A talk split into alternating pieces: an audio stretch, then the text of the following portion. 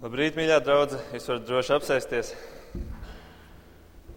Pirmo reizi man tas gods jūs apsēdināt. Nu, ko, man prieks, ka mēs varam šodien turpināt um, mācīties, studēt cauri kalnu svētkrunai. Un, uh, mēs esam mazliet vairāk kā mēnesi jau šajā kalnu svētkrunā, un mēs esam jau veselus sešus pāntus izstudējuši. Es varētu teikt, beigās bruņu rupuču temps. Bet um, neuztraucieties, pēc tam mēs iesim ar lielākiem soļiem. Šis ir ievads, un viņš ir ļoti svarīgs. Tas ir pamats visam tam, ko mēs pēc tam celsim tālāk. Šajā kalnu svētrunas ievadā mēs dzirdam, nevis runājam kādu no apstuļiem, bet pašu Jēzu. Un uh, Jēzus saka, kādi ir tie cilvēki, kuri ir patiesi laimīgi, kuri ir patiesi svētīti. Un mēs redzam šo ķēdi, kuru Jēzus audzē. Un, kā jau iepriekš mēs esam runājuši, šie astoņi panti, jeb deviņi panti, kur astoņas reizes tiek teikts laimīgi, laimīgi, laimīgi, viņi nav kā astoņas neatkarīgas lietas, kuras Jēzus min, bet tā visa ir ķēde, kas ir redzama katrā cilvēkā, kurš ir patiesi kristietis. Un tā mēs šajā ķēdē redzējām, ka Jēzus saka, laimīgi garā nabagie. Tie, kuri atzīst, ka viņi nav spējīgi paši spēkiem būt pietiekami dievam. Un tas iemesls ir grēks, un tādēļ viņi ir tik ļoti apbēdināti par savu stāvokli, kas ir otrais laimīgi apbēdinātie. Un šis stāvoklis, kurā viņi ir apbēdināti, tas padara viņus lēnprātīgus, jeb gatavus atteikties no sava es. Un savukārt tas liek atzīt, ka ar pašu taisnību viņiem nepietiek. Tādēļ viņi sāk salikt un slāpt pēc dieva taisnības. Un tā mēs nonākam šajā ķēdē līdz šodienas pantam, kurā ir teikts laimīgi žēlsirdīgie, jo dievs būs viņiem žēlsirdīgs. Un šeit mēs jau redzam kādu pavērsienu šajā ķēdē. Bet pirms mēs iesim dziļāk, lūgsim Dievu. Mīļais kungs, Lūdzu, palīdz mums saprast šodienas vārdu, to kungs, ko tu vēlēsi mums pateikt, un palīdz, lai tie vārdi nebūtu mani vārdi, kungs, bet tavu vārdi, jo tavi vārdi ir patiesība. Amen. Dzirdot visas šīs iepriekšējās piecas svētrunas par kalna svētrunu, um, mēs varētu tā jautāt, bet kādēļ šis viss? Kāda jēga ir no tā, ka mēs dzirdam šos aprakstus, šīs īpašības par to, kādam ir jābūt kristietim. Vai nebūtu labāk runāt par ikdienu, runāt par draudzes misiju sabiedrībā, varbūt politikā, tas, kur mēs esam šodien? Kādēļ ir jārunā par šīm svētlaimēm? Kādēļ mēs nerunājam labāk par kaut kādiem praktiskiem norādījumiem? Ej un dari šitā vai ej un dari tā. Kādēļ jārunā par attieksmi un par īpašībām? Taču labāk būtu runāt par darbiem, lai mēs zinām, ko darīt, izjot ārā no šīs baznīcas uh, durvīm. Bet ļaujiet pateikt skaidri, ka kristietība nav un nekad nav bijusi par darbiem. Kristietība nekad nav bijusi par darbiem. Kristietība ir vienmēr bijusi par iekšējo cilvēku. Tas ir tas arī, ko Raimunds šodien, uz ko viņš šodien lika uzsvaru pilnīgi nesaskaņojot mums. Kristietis vispirms kaut kas ir, un tikai pēc tam viņš kaut ko dara.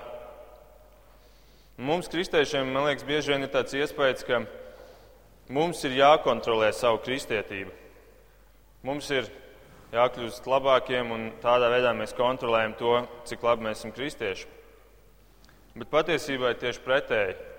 Kristietībai ir paredzēts kontrolēt mūsu Tādēļ ir nepareizi teikt, piemēram, lai es būtu patiesa kristietis, man ir jāmācās kristīgā mācība, un tad man ir jāiet un jācenšas tā īstenot manā dzīvē. To Jēzus nesaka. Viņš arī šeit, šajā kalnu svētdienā, sākot savu lielāko uzrunu, kādu viņš jebkad ir devis, kāda jebkad ir dota šajā pasaules vēsturē, viņš, viņš to nesaka. Viņš saka kaut ko citu. Jēzus apgalvo, ka Mana kristietība mani kontrolēs. Nevis es darīšu, bet šī kristietība manī darīs. Un to ir tik svarīgi saprast, un tādēļ Jēzus sāka ar šīm īpašībām kaut ko tādu, kas ir manī iekšā, un tikai pēc tam viņš pievērsīsies darbiem. Un tādēļ arī Pāvils saka, nevis es dzīvoju, bet manī dzīvo Kristus.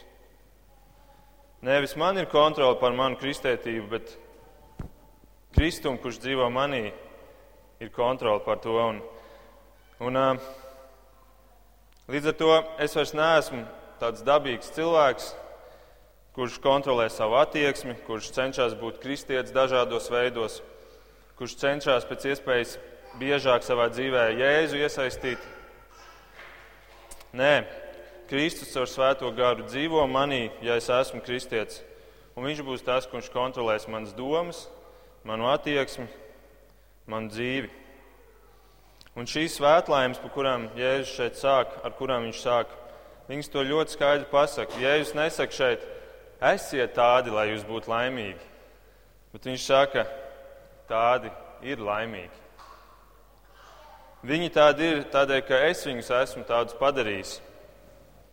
Viņi ir jauns radījums ar mani iekšā. Un tādēļ šie panti nav domāti, lai, lai tu tagad um, rautos savā ikdienā un mēģinātu šīs lietas izpildīt. Lai tu mēģinātu justos kā garā nabaks, lai tu censtos būt apbēdināts savā dzīvē un tā tālāk. Tam nav domāti šie panti, bet viņi ir domāti, lai tu pārbaudi sevi. Vai šīs īpašības, par kurām Jēzus runā, vai viņas tev liekas neadekvātas, vai tev varbūt būtu kauns par viņām runāt ar citiem cilvēkiem, vai tev būtu kauns būt tādam, apbēdinātam, garā nabagam, vai arī tu redzi sevi šajās lietās, kuras Jēzus min, un vai tu esi gatavs runāt tik zemu par sevi. Un pārbaudiet to šodien arī, kad Dieva vārds atskan, jo Dieva vārds ir tas, kurš izgaismo cilvēku. Dieva vārds ir as, kā zobens, kurš atdala, kurš sadala uz pusēm. Un, uh, viņš sāk vilkt tevi uz vienu vai uz otru pusi. Un Dieva vārds ir kā saules stari, kurš, kuri gan vasku padara mīkstu, gan arī mālu sacietē. Un ko dara tavs sirds, kad tu dzirdi šos jēzus vārdus, vai tava sirds kļūst mīkstāka un tu saki, jā, es gribu tāds būt? Vai arī šie vārdi tev apcieta un pasaka, ka tā nav tā kristētība, kādu es esmu iztēlojies. Tas nav tas, kāds, kādam, kādu es sevi redzu. Tādēļ vēlreiz, draugi, Jēzus nesaka, dari šo, tad tu būsi laimīgs. Bet viņš saka, ja tu būsi šāds kļuvis, tad tu būsi laimīgs. Un viscaur jaunajai derībai mēs redzam šo robežu. Vai nu tu esi, vai arī tu neesi. Tev ir jāpiedzimst no jauna, tas ir radikāls solis, tā ir melnbalta robeža. Un vienā brīdī tu kļūsti par kaut ko pavisam jaunu, tu kļūsti par jaunu radījumu.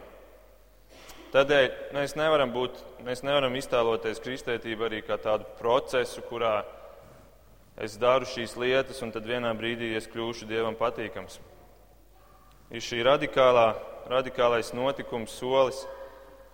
Un arī jūs, katrs, kas esat šeit, jūs esat vai nu vienā pusē, vai otrā pusē.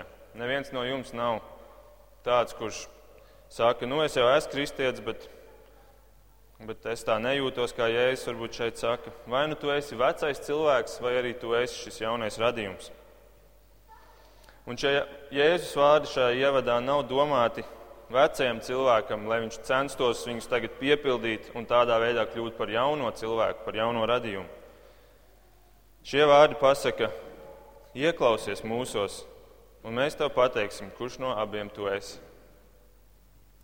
Un tā nu šodienas jautājums ir, vai tu esi žēlsirdīgs, vai tu esi žēlsirdīgs? Kāds pēc sevis varbūt šobrīd saka, bet, bet kā es to varu zināt?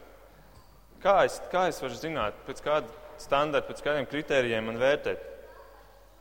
Tad nākamais jautājums man te ir, vai tu gribi būt šāds? Vai tu gribi būt šāds?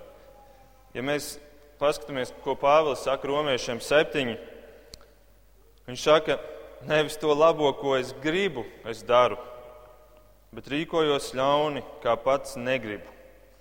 Nevis to, ko es gribu, es daru, bet es daru kaut ko, un es patiesībā to nemaz negribu. Un ja mēs šo šodienas tēmu žēlsirdību ieliekam šajā Pāvila teikumā, tad Pāvils patiesībā saka, es neesmu žēlsirdīgs, bet es gribu būt. Un es, ne, un es esmu nežēlsirdīgs, bet es negribu tāds būt. Un tāpēc gribēšana daudz vairāk bieži vien pasaka par cilvēku nekā pati darīšana. Jo, ja notiek darīšana bez gribēšanas, tad kas tā ir? Tā ir liekulība. Tā ir tāda pati liekulība, kā bija farizējiem, kāda bija farizēju taisnība. Un tepat Matei 5, dažus pantus priekšu, 20. pantā Jēzus saka par šiem farizējiem. Viņš saka, ja jūsu taisnība nav labāka par rakstu mācītāju un farizēju taisnību, tad jūs nenāksiet debesu valstībā. Kādēļ? Tādēļ, ka viņiem bija taisnība, kas patiesībā bija viņu pašu paštaisnība. Viņi ārēji darīja lietas, viņi darīja to, kas bija rakstīts likumā, ko Dievs bija devis arī kā likumu, bet iekšēji viņi to nemaz negribēja darīt. Un atcerieties to pāntu, kas, par kuru mēs runājām iepriekšējā nedēļā, par kuru Raimons runāja. Tur bija teikts, laimīgi izcelkušie un izslēpušie pēc taisnības Bet tie, kuri ir patiesi izslāpuši nevis pēc kaut kādas taisnības, bet pēc dieva taisnības, pēc dieva standartiem. Un, ja tu būsi patiesi izsalcis un izslāpis pēc dieva taisnības, tad tu kļūsi žēlsirdīgs. Tāpēc, ka tava iekšējais cilvēks gribēs um, izpatikt dievam un gribēs nevis dzīvot pēc saviem standartiem, bet pēc dieva standartiem. Un par šo iekšējo cilvēku un šīm ārējām lietām, kuras mēs darām, ļoti spēcīgi vārdi ir pateikti Amosa grāmatā, 5. nodaļā. Un ieklausieties arī jūs visi, kuri šodien piedalāties arī organizēšanā dievkalpojumu. Tur ir teikts tā, es nīstu, un te runā Dievs, es nīstu un nicinu jūsu svētkus, man jūsu sapulču smarža riebļi. Kaut jūs man dedzināmos upurus pienesat, jūsu labības dāvans es negribu. Uz jūsu treknajiem mieru upuriem es nelūkošos. Prom no manis jūsu dziesmu troksni un jūsu stīgu skaņas es neklausīšos. Lai rīt kā ūdeņa tiesa un taisnība kā mūžīgs strauts. Citiem vārdiem Dievs saka, es negribu visu šo āršķirīgo redzēt, kamēr jūsu sirdis nav kārtībā. Un par to ir arī jādomā mums, kā draudzēji. Par to arī jādomā katram, kurš šeit priekšā stāv, mūziķiem, vadītājiem, visiem. Un ir tik daudz draugu mūsdienās, man liekas, kuras, par kurām Dievs šos vārdus arī šodien varētu teikt. Es negribu to visu dzirdēt, tāpēc ka jūsu sirdis nav kārtībā. Un atklāsmes grāmatā Jēzus brīdina draudzes, viņš saka, es izdzēsīšu jūsu liecības spēku, ja jūs nesakārtosiet savus sirdis, savu pirmo mīlestību. Un tādēļ arī mums ir tik svarīgi, ka mēs kā draugi dzīvojam pēc Kristus standartiem. Un Kristus standarti ir tie, kurus mēs šeit lasām Kalnu svētdienā. Tie ir iekšēji standarti cilvēkam. Un es saprotu, ka gribās dzirdēt tās praktiskās lietas, gribās, ka tev pasaka skaidri, dari šito, dari to, lai tu kļūtu labāks kristietis. Bet ir jāsāk ar šīm iekšējām lietām, un viņas ir jāizprot, un ir tāpēc arī jāizprot katrs šis pants, par, kura, par kur Jēzus šeit runā šajā ievadā. Tātad, vai tu gribi būt žēlsirdīgs? Tas ir tas jautājums. Vai tu gribi tāds būt? Jo tava gribēšana liecina par tavu sirdi par tavu stāvokli. Bet labā ziņa ir tā, ka gribēšanai vienmēr kaut kas seko. Gribēšanai seko vienmēr tas, ko tu beigās gribi. Vienalga, ko tu gribēsi, ar laiku tas nāks kaut arī lēnām, bet izveidosies virziens. Un tādēļ, skatoties uz šīm svētlaimēm, par kurām Jēzus šeit runā, ļaujiet viņus pagriezt tādā gribēšanas rakursā. Jaut, es jautāšu jums, vai tu vēlies tāds būt? Vai tu vēlies būt garā nabaks? Vai tu vēlies būt apbēdināts par saviem grēkiem? Ne tikai vienu reizi, bet savā ikdienā?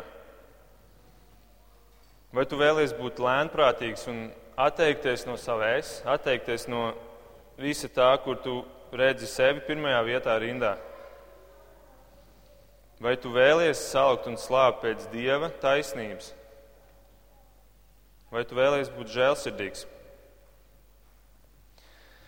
Un šī pieeja, kuru Jēzus parāda, kad vienmēr ir jāsāk ar iekšējiem, un pēc tam mēs varam tikai ķerties klāt pie ārējām lietām. To mēs labi redzam visā šajā kalna svētrunas sadalījumā. Viņš sāk ar šīm svētlaimēm, un pēc tam tikai runā par tām ārējiem darbiem, bet pat šo astoņu svētlaimju ietvaros viņas ir sadalītas divās daļās. Pirmās četras svētlaimes, par kurām mēs runājām, viņas ir iekšējas, viņas ir visas par sevi. Es, garā nabaks, es iekšēji apbēdināts, es lēnprātīgs, es slāpstu un salkstu pēc dieva taisnības. Bet otrie četri kas tagad sekos, viņi jau ir vērsti uz āru. Tas, kas man iekšējā cilvēkā notiek, tas pēc tam sāk iziet ārā no manis un, un nonāk kontaktā ar citiem cilvēkiem.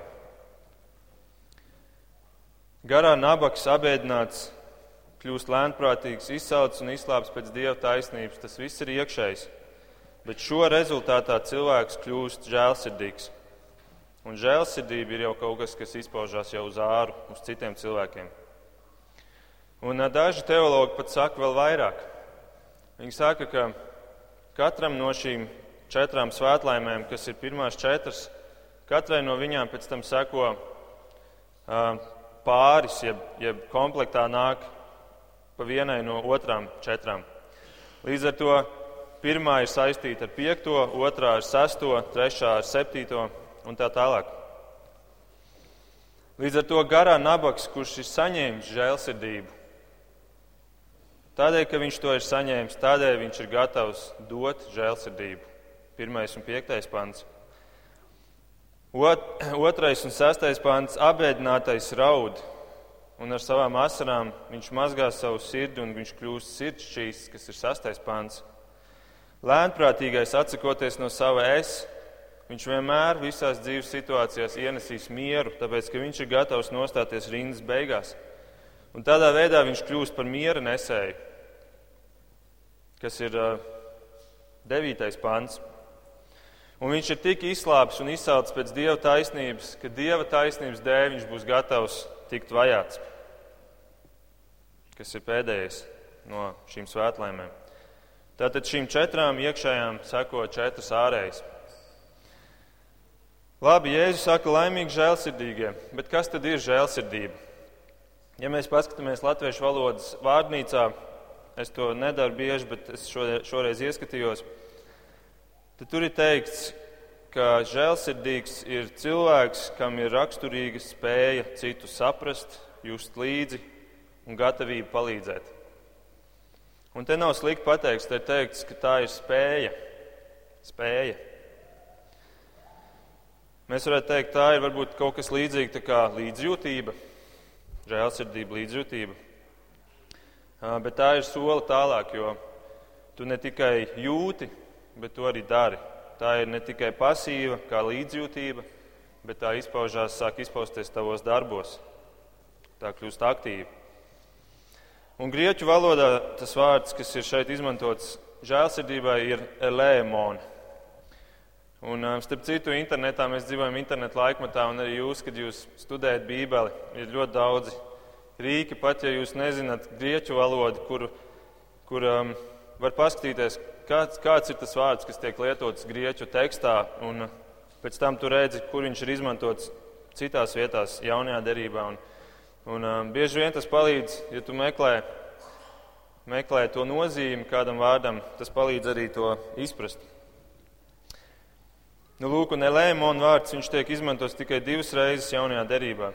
Šeit Mateja 5 un ebrejiem 2, 17. Tā ir tā raksturvieta, kuru Raimons lasīja sākumā.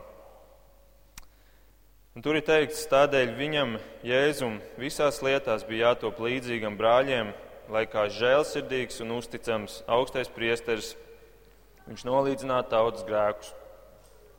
Tad mēs redzam, šī žēlsirdība ir arī Jēzu. Tā nav kaut kāda žēlsirdība, kura ir visai pasaulē, visiem, kuri sevi redz latviešu vārnīcas skaidrojumā, bet tā ir īpašība, kas ir Jēzu.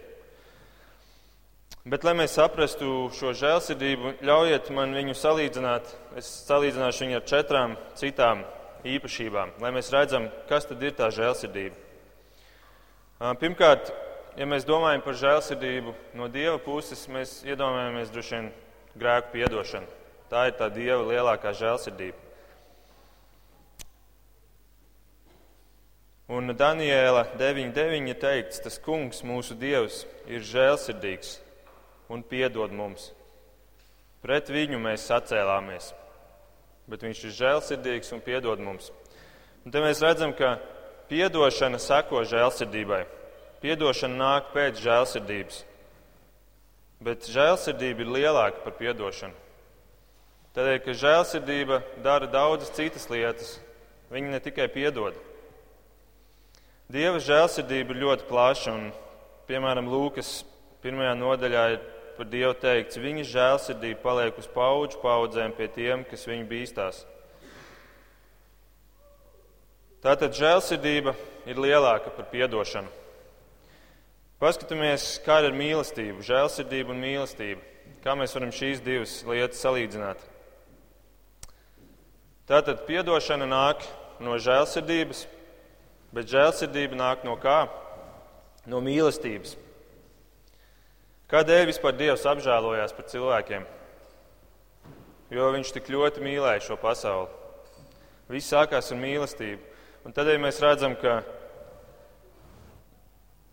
piedošana ir mazāka par žēlsirdību, bet žēlsirdība ir mazāka par mīlestību. Mīlestība var izdarīt ļoti daudz lietu, daudz vairāk nekā žēlsirdība.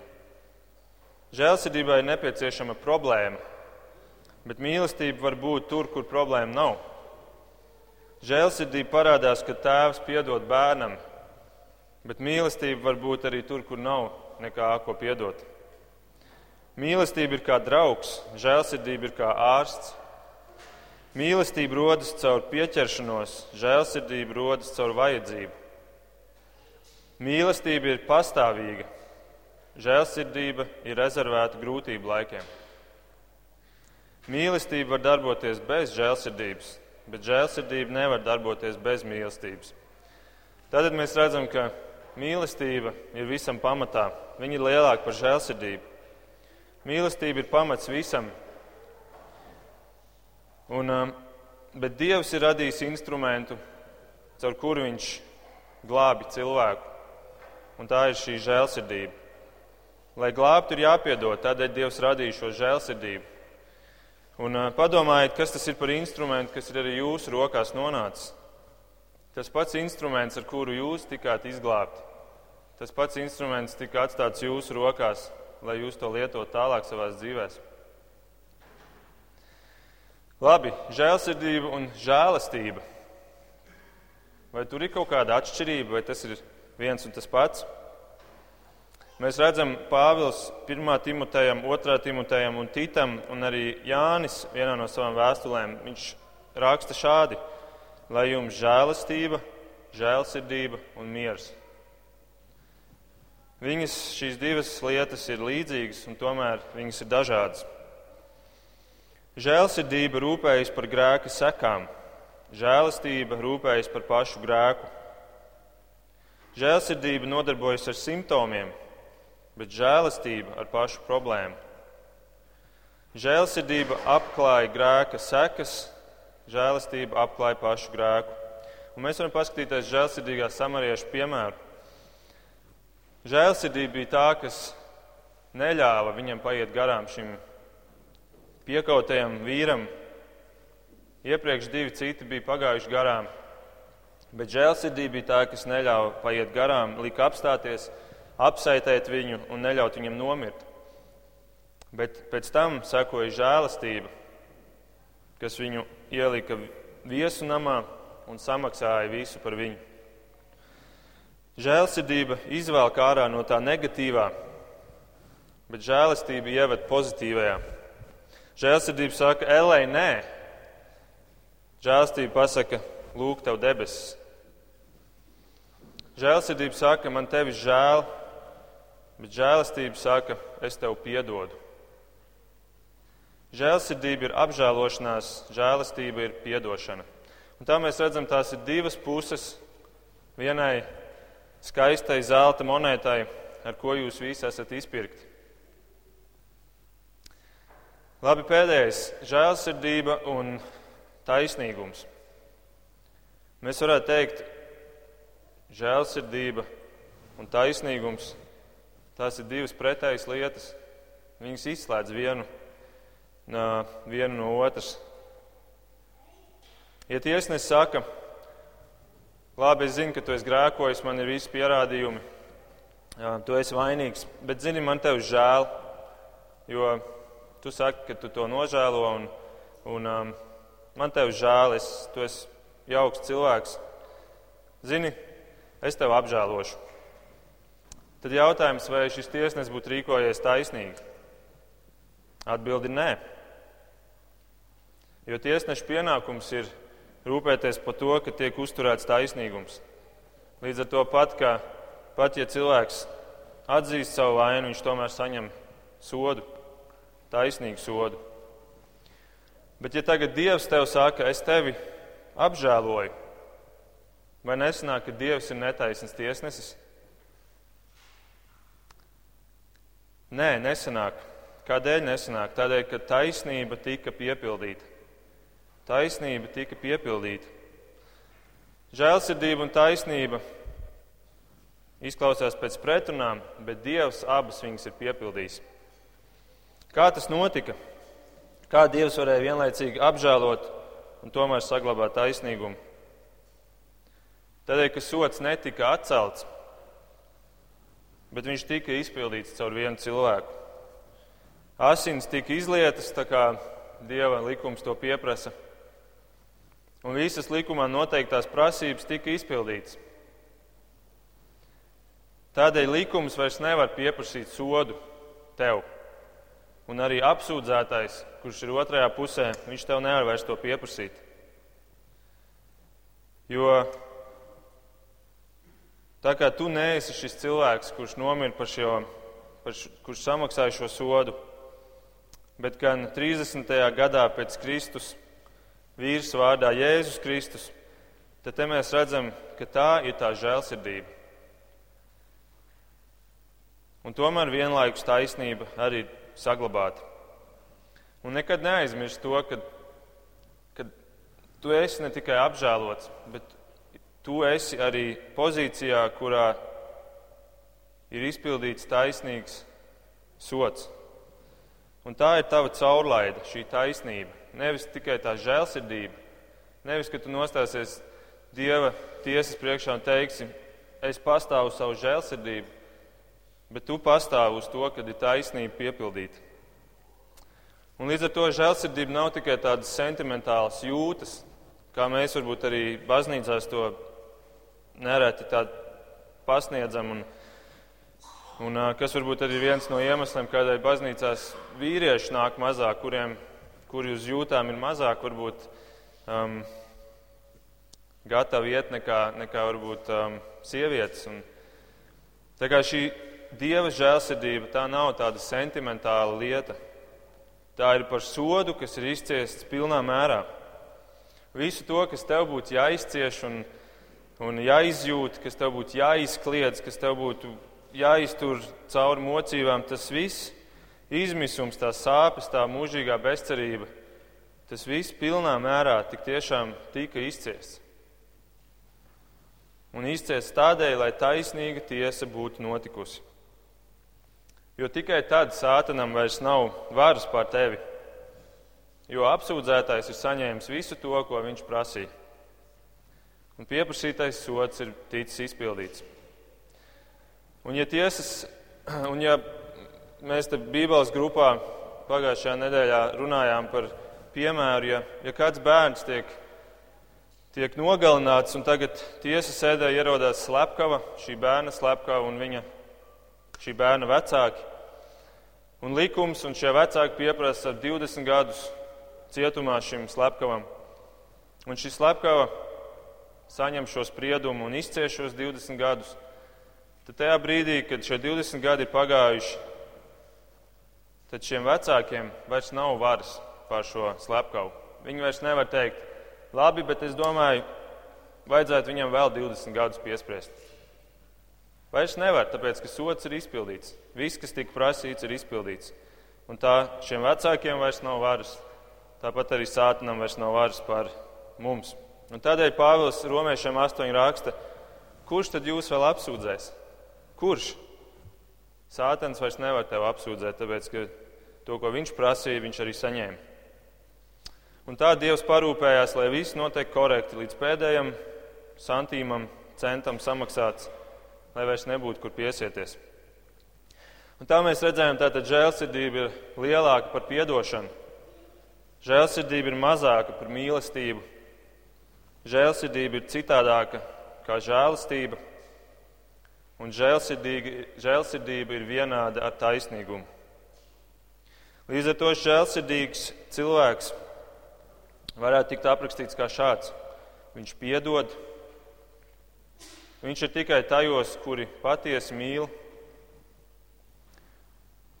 Viņš netolerē grēku un netaisnību bet meklē to piepildīt. Un viņš ir ar savu žēlsirdību, tas ir pirmais solis uz žēlastību, uz glābšanu arī citu cilvēku dzīvēm. Tā kā ļauj man te vēlreiz jautāt, vai tu vēlies būt žēlsirdīgs? Vai tu vēlies būt žēlsirdīgs ar visām šīm četrām īpašībām?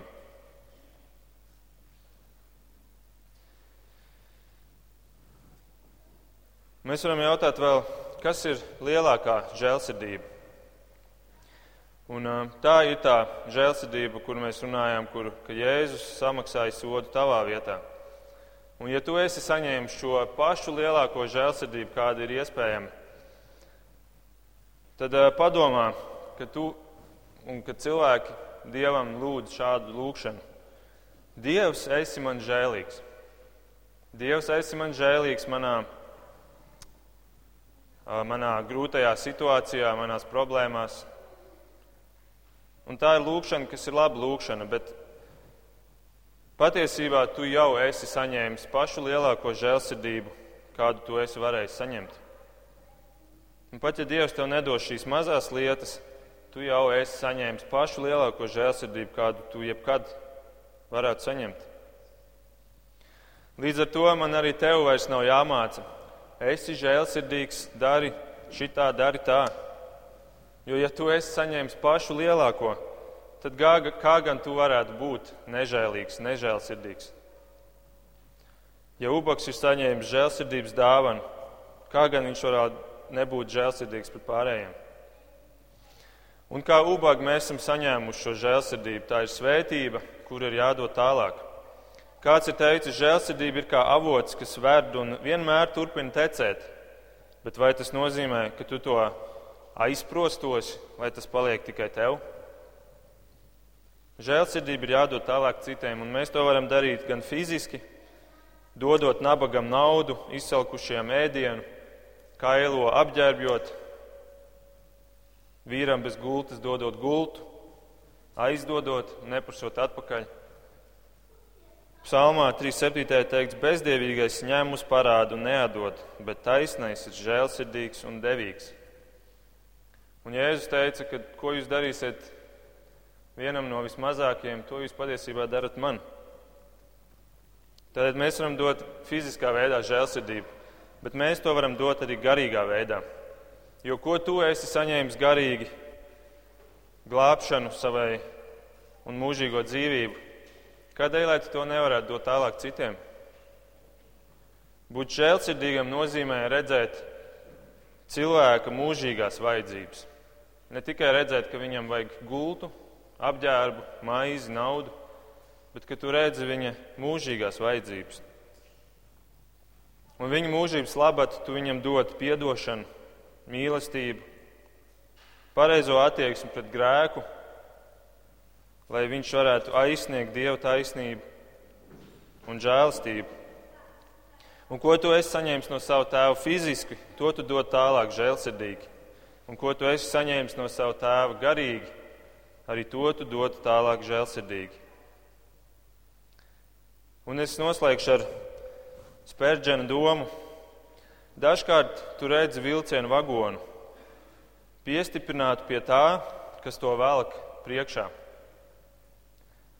Bet tam vagonam ir arī aizmugurē liels āķis. Kam tas ir domāts? Nu kā? Lai piestiprinātu kaut ko arī aizmugurē un tādā veidā pagarinātu vilcienu. Tāpat arī viena žēlsirdības svētība no Dieva ir savienota ar visām tām svētībām, kas nākušas pirms tās. Bet vienlaicīgi ir arī iedots līdzi viss nepieciešamais, lai tu varētu turpināt šo ķēdi aiz sevis. Lūksim Dievu.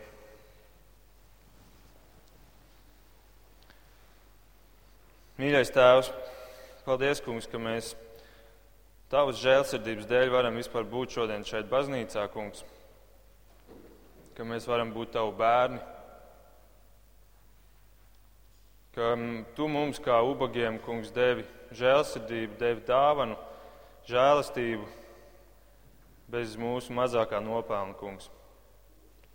Un palīdz mums ar šo, šo domu, arī ar šo apziņu dzīvot savā ikdienā, kungs. Un uh, redzēt tās vajadzības citu cilvēku dzīvēs. Ne tikai fiziskās, bet vēl daudz vairāk garīgās, kungs. Palīdz mums būt žēlsirdīgiem, jo mēs vēlamies būt laimīgi. Āmen!